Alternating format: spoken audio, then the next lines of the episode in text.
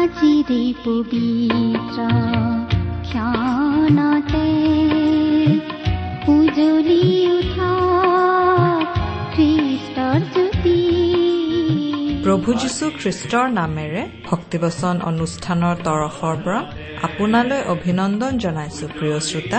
আজিৰ এই অনুষ্ঠানত আপোনাক লগ পাই বৰ ভাল লাগিছে। আশা কৰো আপুনি ভালে কুশলে আছে। ভক্তিবচন অনুষ্ঠানত প্ৰচাৰ হোৱা ঈশ্বৰৰ বাক্যসমূহে আপোনাক কেনেদৰে সহায় কৰিছে জানিবলৈ আমাৰ বৰ মন যায়। কেতিয়াবা দুষাৰি মান আমালৈ লিখি পঠিয়াবচোন। আমাৰ ঠিকনাতে অনুষ্ঠানটিৰ শেষত কোৱা হ'ব। আপুনি কলম আৰু কাগজ সাজু কৰি থব। ঈশ্বৰৰ যি দয়া কৰোণা আমি পাইছো তাকেই এই অনুষ্ঠানৰ যোগেৰে জনাবলৈ পাই আমি অতি আনন্দিত। আপোনাৰ পৰাও জানিবলৈ পালে আমি বৰ বেছি উৎসাহিত হ'ম। কিয়নো ঈশ্বৰে আমাক সকলোৰে যত্ন লয়। আপোনাৰো যত্ন লৈ আছে। নিশ্চয় আপোনাকো অনেক আশীৰ্বাদ কৰি আছে। দুখ কষ্টত পৰিলে তেওঁ উদ্ধাৰ কৰিছে। বেজাৰৰ সময়ত তেওঁ আহি সান্তনা দিছে। হয়তো ৰোগত পৰোতে সুস্থতা দিছে। তেওঁ সদায় আপোনাৰ বিভিন্ন পৰিস্থিতিত যত্ন লৈ আছে। তেওঁ আচৰিত মৰমীয়াল ঈশ্বৰ তেওঁৰ মৰমবোৰ আশীৰ্বাদবোৰ স্বীকাৰ কৰিলে পূৰণ কৰিলে সেইবোৰ দুগুণে বাঢ়ে। আহক আমি প্ৰতিদিনে ঈশ্বৰৰ পৰা পাই থকা আশীৰ্বাদবোৰ ইজনে আনজনৰ লগত প্ৰকাশ কৰোঁ। নেদেখা গুপুত কোঠা পৰিচয় জানো পৰিষ্কাৰ। স্বৰূপ লুকুৱা মুখা পিন্ধোৱা নাটকৰ ভদ্ৰ চৰিত্ৰ। নায়ক খনায়ক সকলো নগ্ন যিচু হ'ল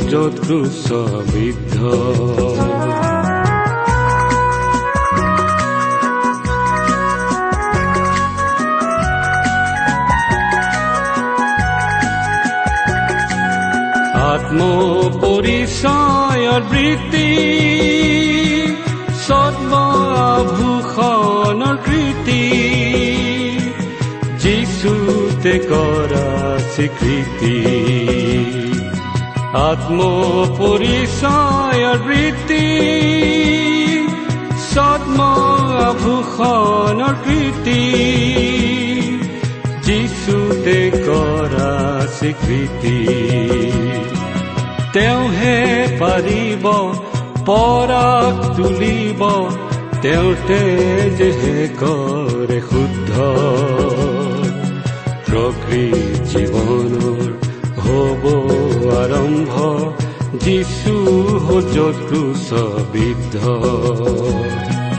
সবুজ প্ৰাণৰ গধুৰ পাপত অজান মন্দৰ বন্দিত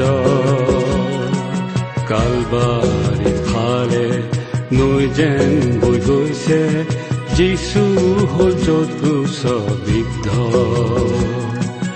যিচু হ'ল যৎক্ৰুচবিদ্ধ আমাৰ পৰম পবিত্ৰ প্ৰভু যীশুখ্ৰীষ্টৰ নামত নমস্কাৰ প্ৰিয় শ্ৰোতা। আশা কৰো মহান পিতা পৰমেশ্বৰৰ মহান অনুগ্ৰহত আপুনি ভালে কুশলে আছে। লগতে এই বুলিও আশা কৰিছো যে আপুনি আমাৰ এই ভক্তিবচন অনুষ্ঠানটো নিয়মিতভাৱে শুনি আছে। প্ৰিয় শ্ৰোতা এই অনুষ্ঠান শুনি আপুনি কেনে পাইছে আমালৈ চিঠি লিখি জনাবচোন? আপোনালোকৰ পৰা চিঠি পত্ৰ পাবলৈ আমি আগ্ৰহেৰে বাট চাওঁ। আমাৰ যোগাযোগৰ ঠিকনাটো হয়তো আপোনাৰ মনত আছে। আহকচোন আজিৰ বাইবেল অধ্যয়ন আৰম্ভ কৰাৰ আগতে খন্তেক প্ৰাৰ্থনাত মূৰ দুৱাওঁ। স্বৰ্গত থকা অসীম দয়ালু পিতৃ ঈশ্বৰ তোমাৰ মহান নামৰ ধন্যবাদ কৰো। তুমি মহান তুমি কৰুণাময় তুমি অনুগ্ৰহৰ আকৰ। তোমাৰ অনুগ্ৰহতেই আজি আমি প্ৰভু যীশুত বিশ্বাস কৰি পৰিত্ৰাণ পাব পৰা হৈছো তোমাক পিতৃ বুলি মাতিব পৰা হৈছো। তুমি আমালৈ যিমান অনুগ্ৰহ দেখুৱাইছা তাৰ বাবে তোমাক ধন্যবাদ দি আমি শেষ কৰিব নোৱাৰো। এতিয়া প্ৰাৰ্থনা কৰিছো তোমাৰ মহান বাক্য বাইবেল শাস্ত্ৰৰ যোগেৰে তুমি আমাক কথা কোৱা। তোমাৰ মাত আমাক শুনিবলৈ দিয়া। কিয়নো এই প্ৰাৰ্থনা আমাৰ মহান ত্ৰাণকৰ্তা প্ৰভু যীশুখ্ৰীষ্টৰ নামত আগবঢ়াইছো।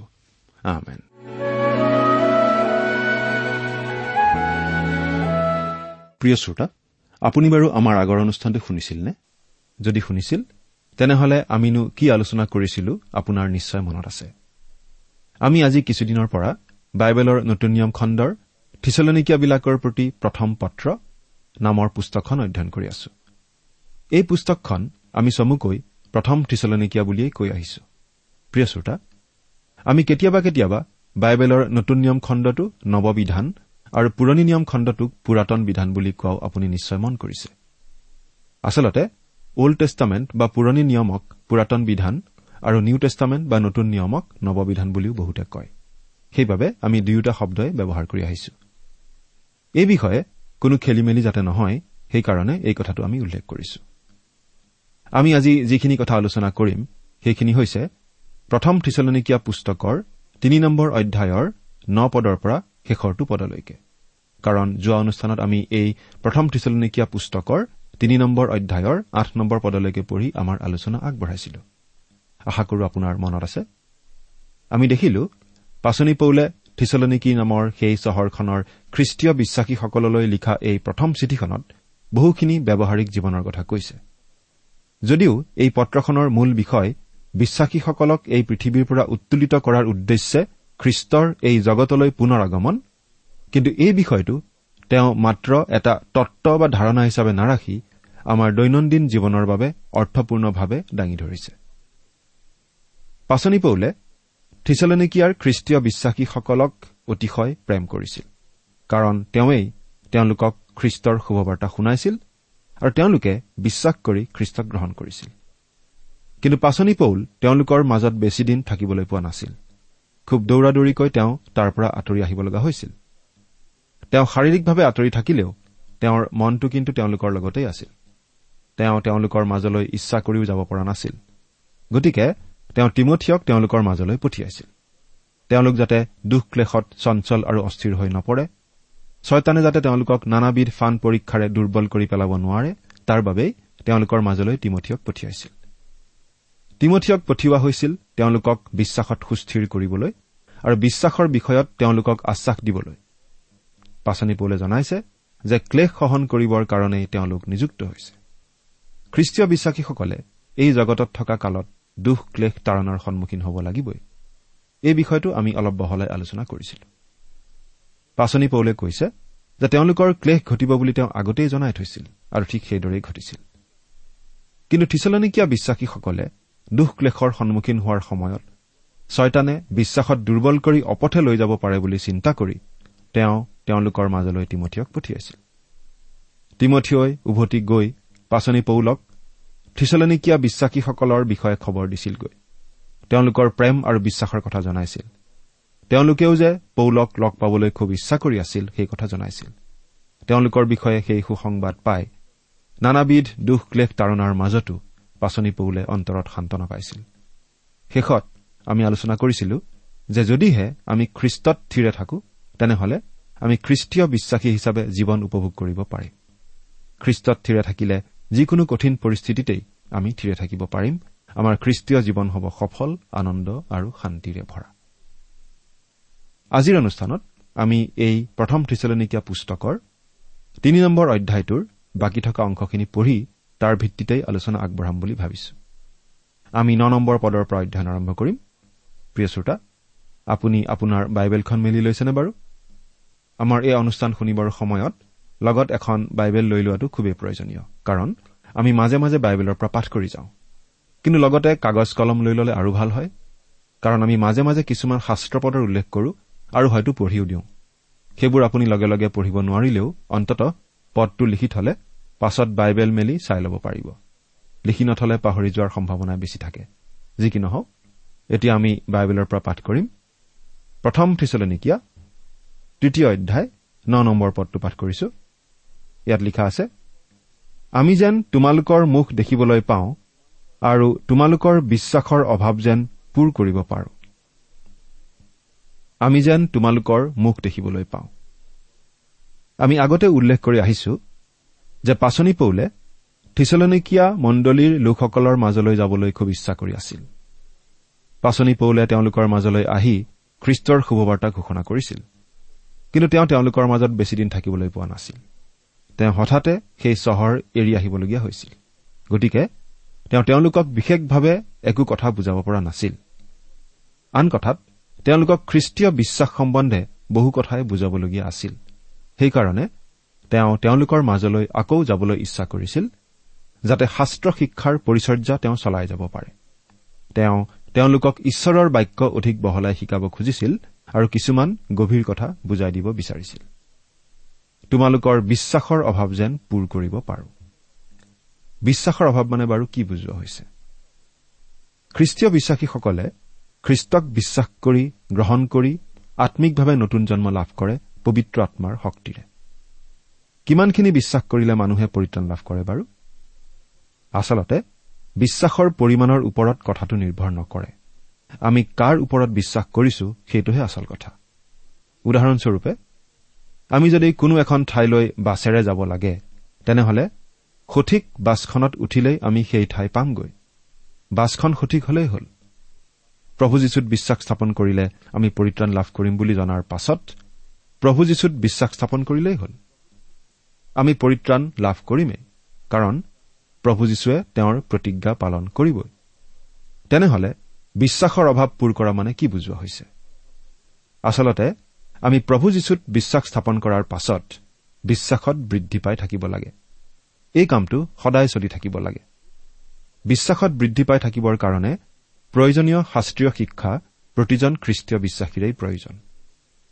কোনো এজন খ্ৰীষ্টীয় বিশ্বাসীয়ে ক'ব নোৱাৰে যে তেওঁৰ আৰু শিকিবলগীয়া একো নাই। ঈশ্বৰে বিভিন্ন মাধ্যমেৰে আমাক শিকাই থাকে। অৱশ্যে আমি কিমান শিকো সেইটো আমাৰ আগ্ৰহ চেষ্টা আৰু নিয়মানুবৰ্তিতাৰ ওপৰত নিৰ্ভৰ কৰে। থিচলানিকিৰ এই খ্ৰীষ্টীয় বিশ্বাসীসকল আছিল নতুন খ্ৰীষ্টীয় বিশ্বাসী। তেওঁলোক খ্ৰীষ্টীয় বিশ্বাসত অতি চালুকীয়া অৱস্থাতে আছিল বুলি ক'ব পাৰি। পাচনি পৌলে সেই কথা জানিছিল আৰু তেওঁলোকৰ বিশ্বাসৰ জীৱনৰ বাবে প্ৰয়োজনীয় বহুতো কথা শিকাবলৈ ইচ্ছা কৰিছিল।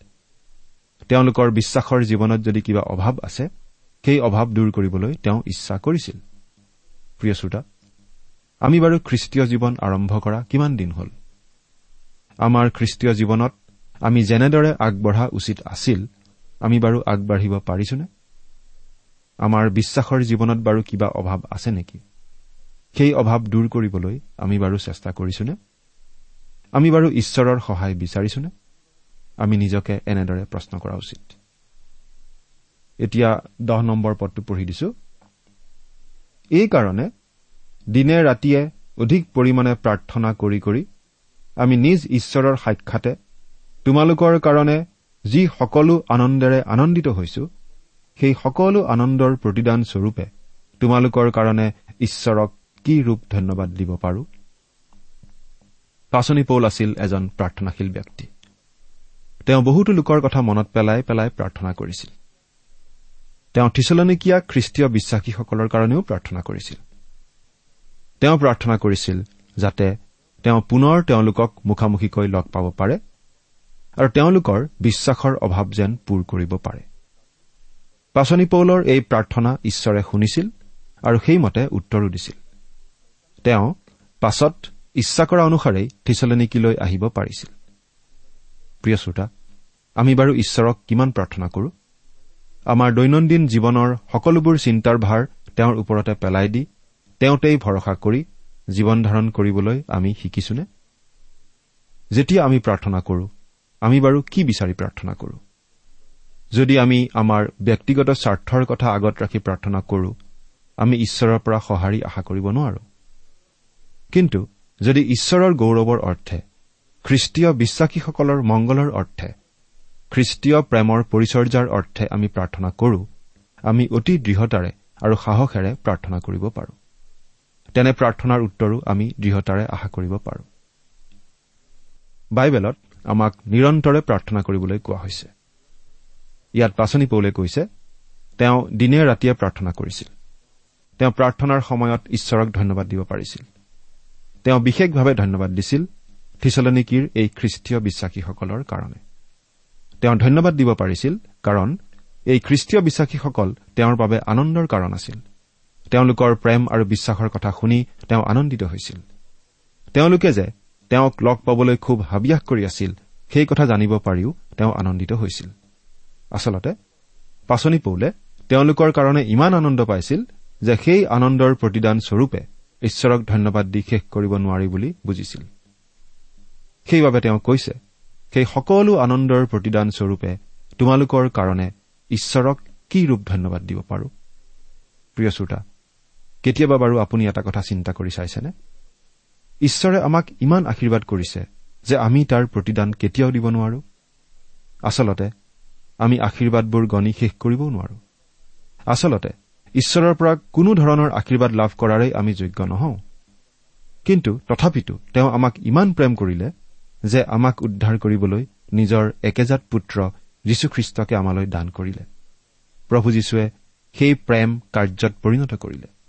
তেওঁ সমগ্ৰ মানৱ জাতিৰ পাপ নিজৰ ওপৰত ললে আৰু সকলোৰে হৈ পাপৰ শাস্তি মৃত্যু বৰণ কৰিলে। ইয়াতকৈ আৰু গভীৰ প্ৰেমৰ আন উদাহৰণ কৰবাত আছেনে?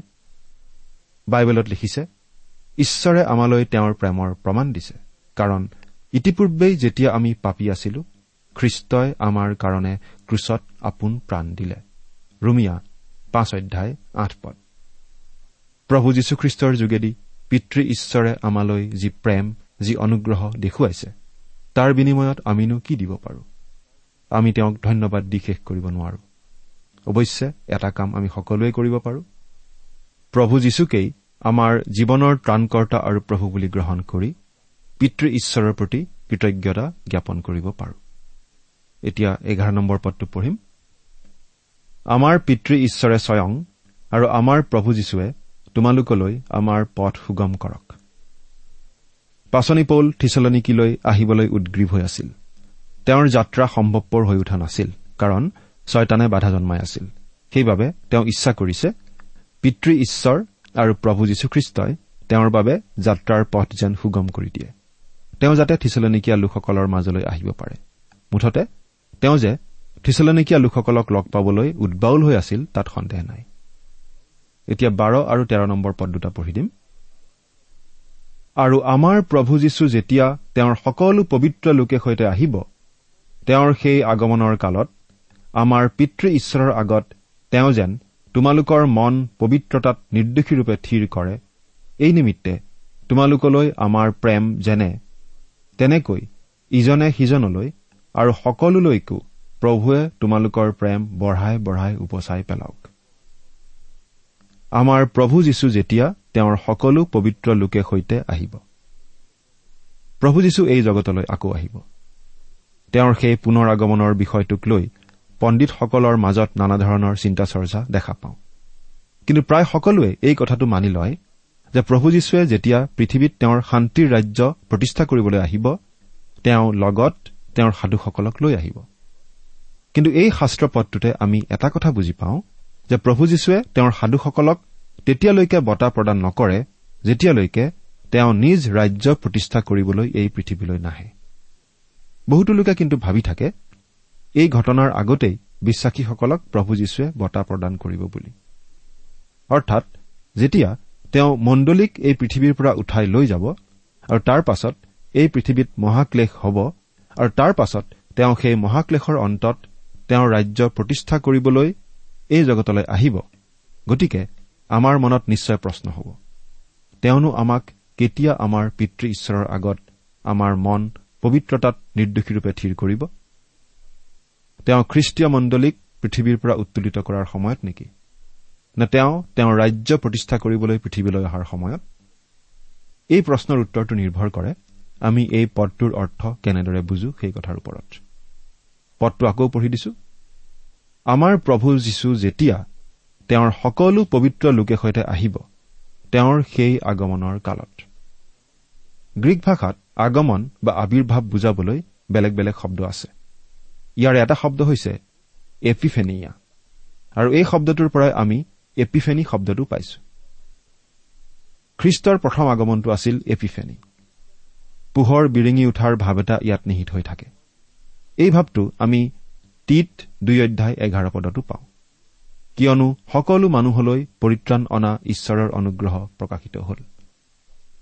আজিৰ পৰা প্ৰায় দুহেজাৰ বছৰ আগতে আমাৰ প্ৰভুৱে বেটলেহেমৰ এটি গোহালি ঘৰত এটি কণমানি কেঁচুৱাৰূপে জন্মগ্ৰহণ কৰিছিল। এইটো আছিল পোহৰ বিৰিঙি উঠাৰ নিচিনা কথা। পোহৰ প্ৰকাশিত হোৱা ঘটনা। এই আৱিৰ্ভাৱৰ ভাৱটো বুজাবলৈ আৰু এটা গ্ৰীক শব্দ আছে।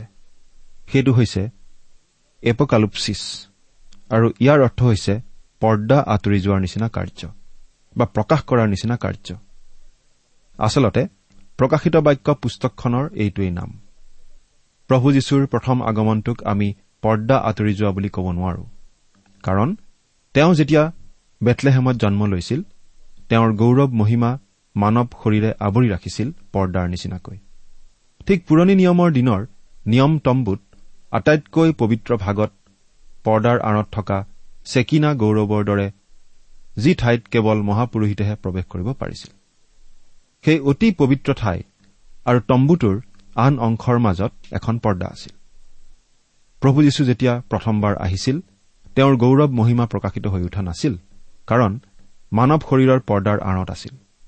কিন্তু তেওঁ যেতিয়া আকৌ আহিব তেওঁৰ সম্পূৰ্ণ গৌৰৱ সম্পূৰ্ণ মহিমা প্ৰকাশ পাব। গতিকে এই শব্দটোৱে তেওঁৰ দ্বিতীয় আগমনৰ কথা বুজায়। তৃতীয়টো গ্ৰীক শব্দ হৈছে পেৰাওচিয়া ইয়াৰ আক্ষৰিক অৰ্থ হৈছে উপস্থিত থকা বা কাষতে থকা। এই শব্দটোক আগমন বুলি অনুবাদ কৰা হৈছে যদিও ইয়াৰ আচলতে অৰ্থ হৈছে উপস্থিতি। আমি আগমনক আজিকালি একে অৰ্থতেই ব্যৱহাৰ কৰো। এবাৰ এখন সভাত এজন বিখ্যাত পণ্ডিতক আদৰণি জনাই কোৱা হৈছিল আমি আপোনাৰ আগমনত অতি আনন্দিত। কিন্তু সেই মুহূৰ্তত তেওঁ আহি থকা নাছিল। তেওঁ ইতিমধ্যে আহিছিল আৰু তাত উপস্থিত আছিল। এই পেৰাওচিয়া শব্দটোকে এই প্ৰথম থিচলনিকীয়া তিনি অধ্যায় বাৰ পদ আৰু দুই অধ্যায় ঊনৈশ পদতো ব্যৱহাৰ কৰা হৈছে। গতিকে আচলতে আমি এটা কথা বুজি পাওঁ যে আমাৰ প্ৰভু যীশু যেতিয়া তেওঁৰ সকলো পবিত্ৰ লোকে সৈতে আহিব বুলি কওঁতে আচলতে এইটো প্ৰকাশ কৰা হৈছে যে যেতিয়া প্ৰভু যীশুক লগ ধৰিবলৈ আমাক আকাশলৈ উঠাই নিয়া হ'ব তেতিয়া প্ৰভুৰ সৈতে খ্ৰীষ্টীয় বিশ্বাসীসকল উপস্থিত থাকিব। প্ৰভু যীশুৱে আমাক গৌৰৱময় ঠাইলৈ লৈ যাব যি ঠাই তেওঁ আমাৰ কাৰণে সাজু কৰি ৰাখিছে। এই আগমনটোৱে প্ৰভু যীশুৱে পৃথিৱীত তেওঁৰ ৰাজ্য স্থাপন কৰিবলৈ অহা কথাটোক বুজোৱা নাই। কিন্তু আমি খ্ৰীষ্টীয় বিশ্বাসীসকল পিতৃ ঈশ্বৰৰ সান্নিধ্যলৈ অৰ্থাৎ স্বৰ্গলৈ উঠি যোৱা কথাটোহে বুজাইছে। ঠিক একেটা ভাৱ আমি প্ৰথম থিচলনিকীয়া দুই নম্বৰ অধ্যায়ৰ ঊনৈশ নম্বৰ পদতো পাওঁ।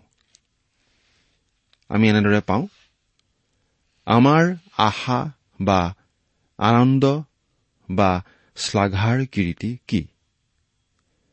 আমাৰ প্ৰভু যীশুৰ আগমনত তেওঁৰ সাক্ষাতে তোমালোকেই নোহোৱানে? এইদৰে পাচনি পৌলে কৈছিল থিচলনিকীয়া বিশ্বাসীসকলক। প্ৰভু যীশুৰ সেই আগমনৰ সময়ত আমি প্ৰভু যীশুখ্ৰীষ্টৰ সাক্ষাতলৈ অৰ্থাৎ উপস্থিতিলৈ আহিম আৰু আমাক অৰ্থাৎ প্ৰতিজন খ্ৰীষ্টীয় বিশ্বাসীক পবিত্ৰতাত নিৰ্দোষীৰূপে থিৰ কৰি পিতৃ ঈশ্বৰৰ আগত উপস্থিত কৰোৱা হ'ব। এই নিমিত্তে তোমালোকলৈ আমাৰ প্ৰেম যেনে তেনেকৈ ইজনে সিজনলৈ আৰু সকলোলৈকো প্ৰভুৱে তোমালোকৰ প্ৰেম বঢ়াই বঢ়াই উপচাই পেলাওক। এই নিমিত্তে তাৰমানে তাৰমানে প্ৰভু যীশুৰ আগমনৰ সময়ত যাতে আমাৰ মন পবিত্ৰতাত নিৰ্দোষীৰূপে থিৰ কৰিব পাৰে। সেই নিমিত্তে। সেই নিমিত্তে আমাৰ মাজত প্ৰেম উপচি পৰিব লাগে। এইবুলি পাচনি পৌলে কৈছে। পাচনি পৌলে কৈছে যে থিচলনিকীয়া লোকসকললৈ তেওঁৰ যেনেকুৱা প্ৰেম তেনেকুৱা প্ৰেম তেওঁলোকৰ মাজতো থকা উচিত। তেওঁলোকৰ মাজতো সেই প্ৰেম দিনে দিনে বাঢ়ি বাঢ়ি যোৱা উচিত। সেই প্ৰেম বাঢ়ি বাঢ়ি একেবাৰে উপচি পৰা উচিত।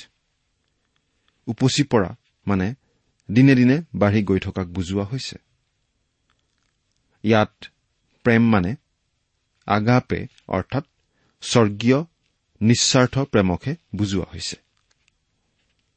আৰু এই বিশেষ পুস্তকখনত আমি প্ৰেমক কাৰ্যক্ষম অৱস্থাত দেখিবলৈ পাইছো। কাৰ্যকৰী প্ৰেম কামৰ মাজেদি প্ৰকাশ পোৱা প্ৰেম। প্ৰিয় শ্ৰোতা মানৱ জাতিলৈ ঈশ্বৰৰ যি প্ৰেম সেই প্ৰেম এটা মাত্ৰ ধাৰণা বা এটা মাত্ৰ তত্ব নহয়। মানৱ জাতিলৈ ঈশ্বৰৰ যি প্ৰেম সেই প্ৰেম কাৰ্যকৰী প্ৰেম কামৰ মাজেদি প্ৰকাশ পোৱা প্ৰেম কামত প্ৰকাশ পোৱা প্ৰেম মানৱ জাতিলৈ ঈশ্বৰৰ যি প্ৰেম সেই প্ৰেম কাৰ্যৰ মাজেদি ঈশ্বৰে প্ৰকাশ কৰিলে তেওঁ নিজৰ একেজাত পুত্ৰ যীশুখ্ৰীষ্টকেই জগতলৈ দান কৰিলে যাতে যীশুখ্ৰীষ্টত বিশ্বাস কৰি মানুহে অনন্ত জীৱন লাভ কৰিব পাৰে। এয়েই প্ৰকৃত প্ৰেম। যি প্ৰেমে কাম কৰি দেখুৱায় ত্যাগ কৰি দেখুৱায়।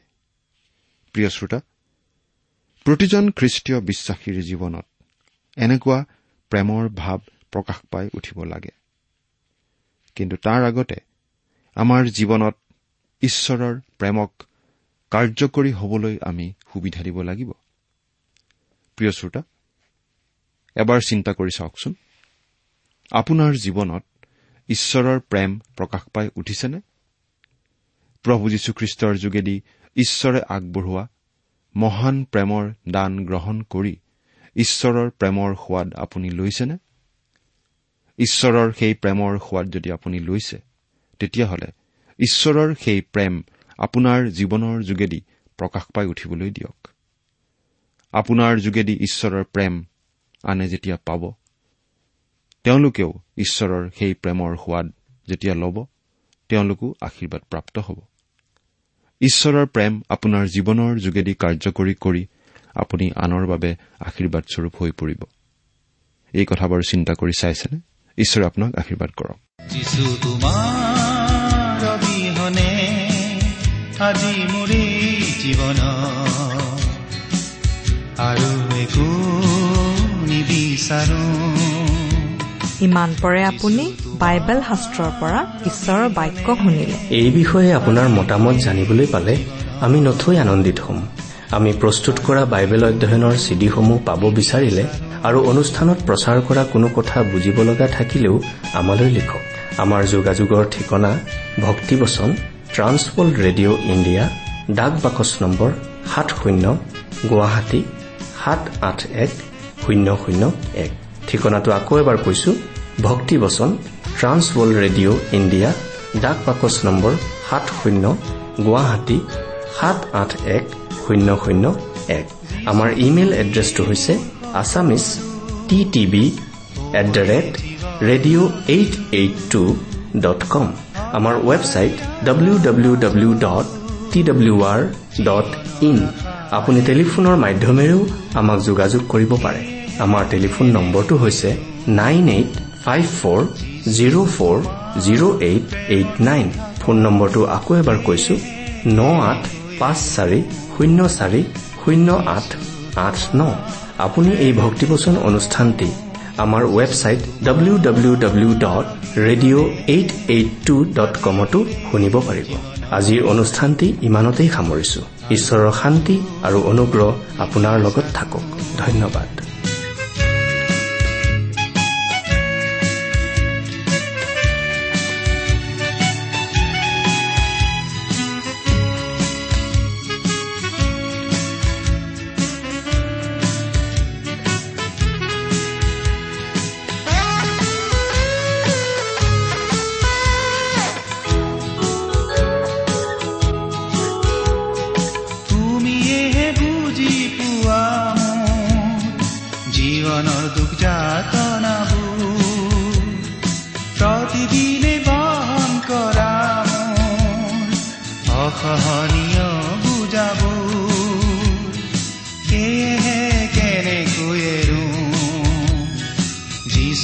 তোমার